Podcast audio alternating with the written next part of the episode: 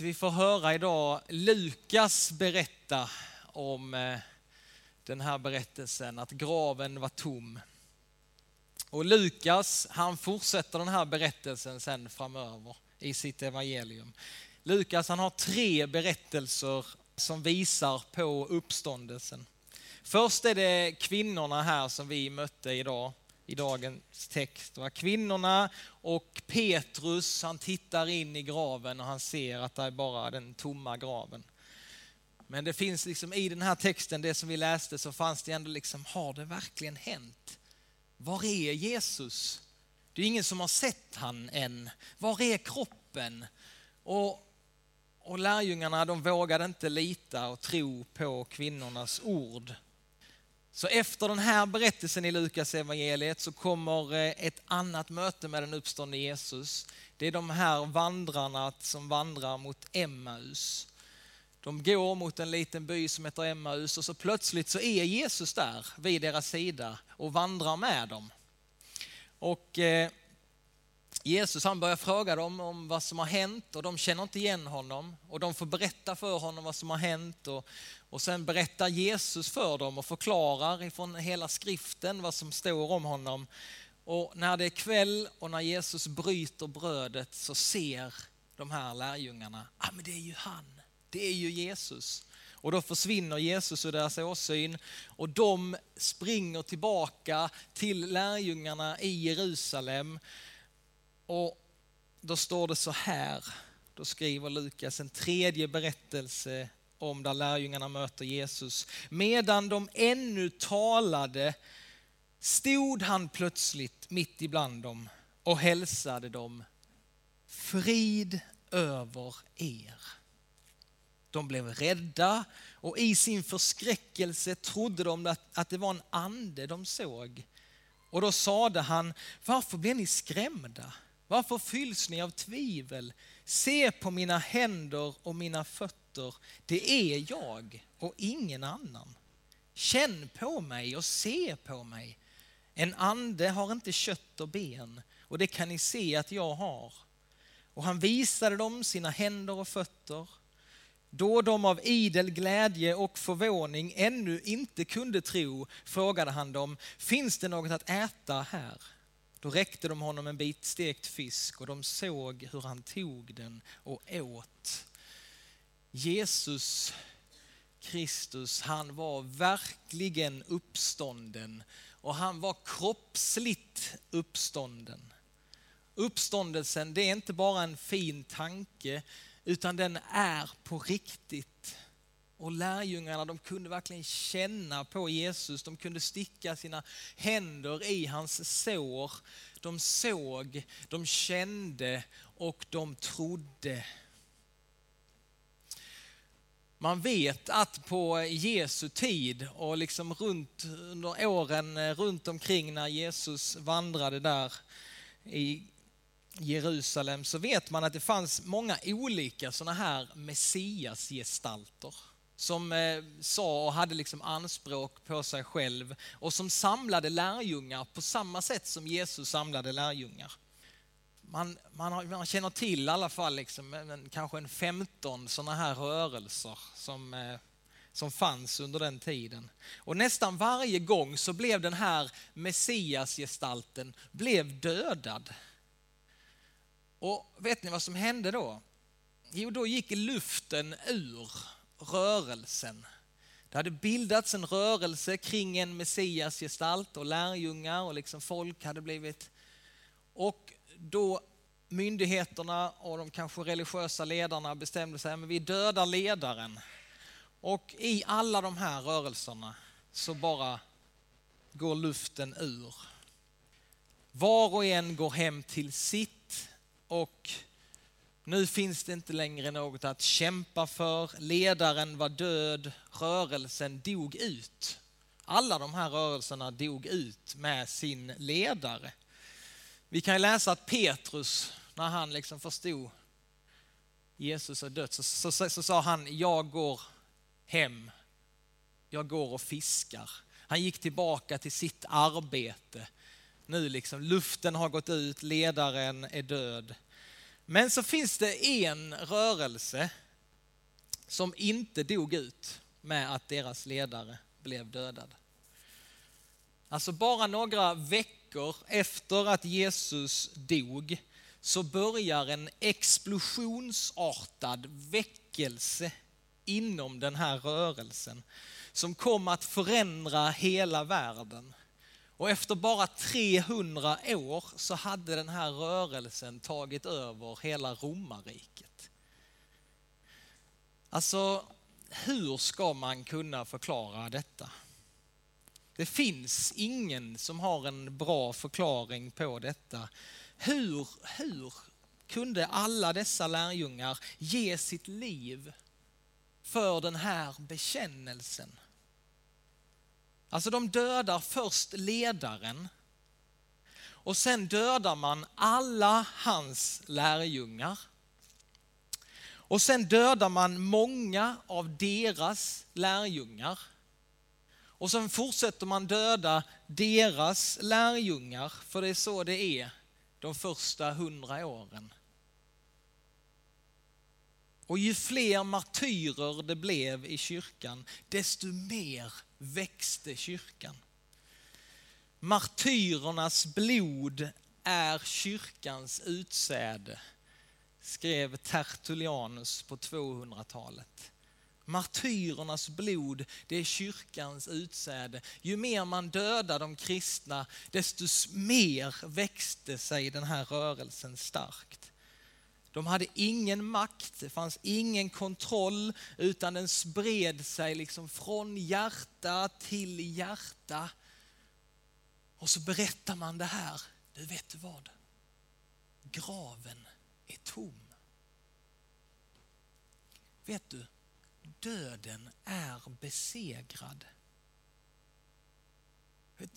Döden är besegrad. Och så spreds det här budskapet och sa man du, sätt din tro till Jesus och så får du evigt liv om du tror på honom. För Jesus han dog för din skull för att vi ska få leva tillsammans med honom.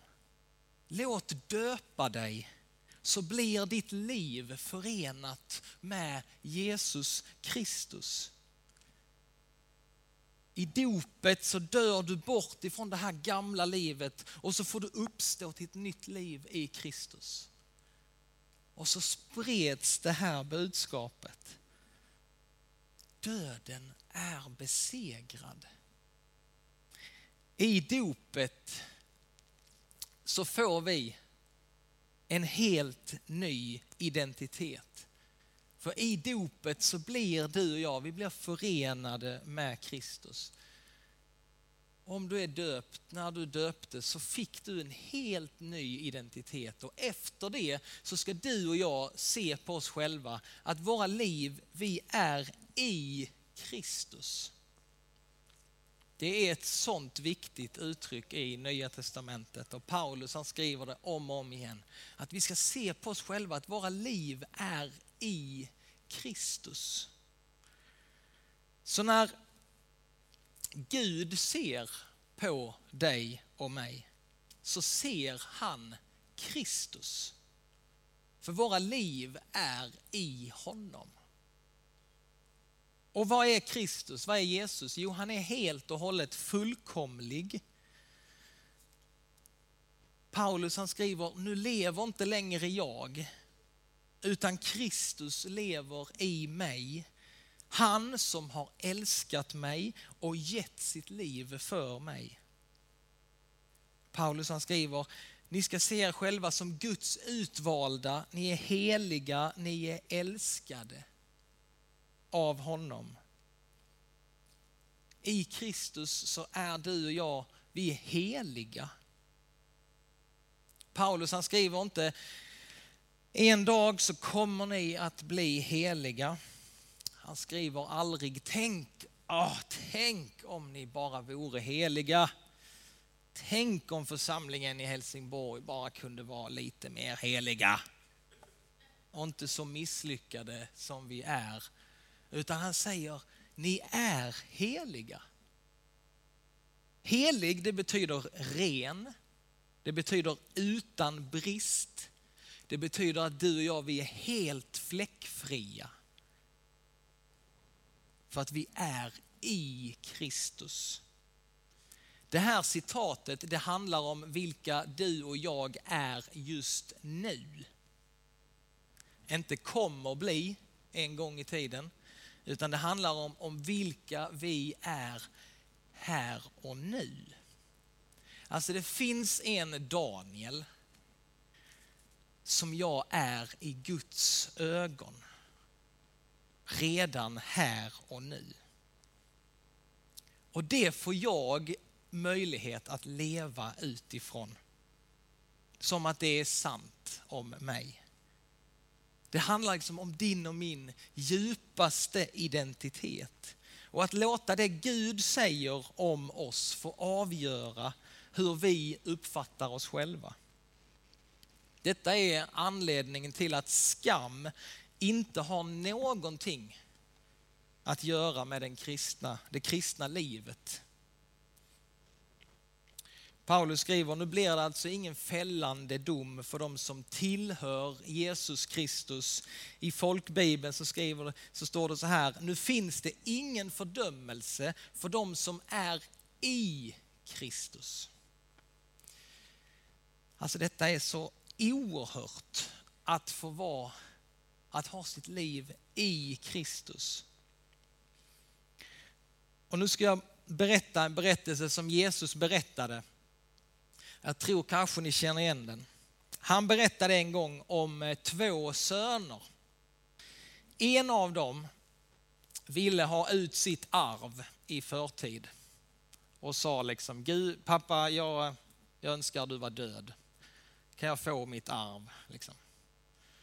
Och han fick arvet och eh, sen åkte han till ett annat land och han spenderade upp allt och från att ha varit kanske på toppen så hamnade han i den lägsta smutsen och en dag så tänker han, jag måste, jag, jag har det bättre ändå hos min pappa. Jag kanske kan få jobba som tjänare hos honom. Så han vänder tillbaka till sin pappa och hans pappa står där och spejar och ser honom på håll. Och han springer honom till mötes sätter på en ring på hans finger, klär honom i de finaste kläderna och bara säger nu är det fest. Min son han var död men nu lever han. Och han får tillbaka liksom sin värdighet som son. Han får liksom en plats hos sin pappa igen. Det är den ena sonen. Och sen har vi den andra sonen. Och han kommer tillbaka från sitt arbete och så märker han att det är fest här.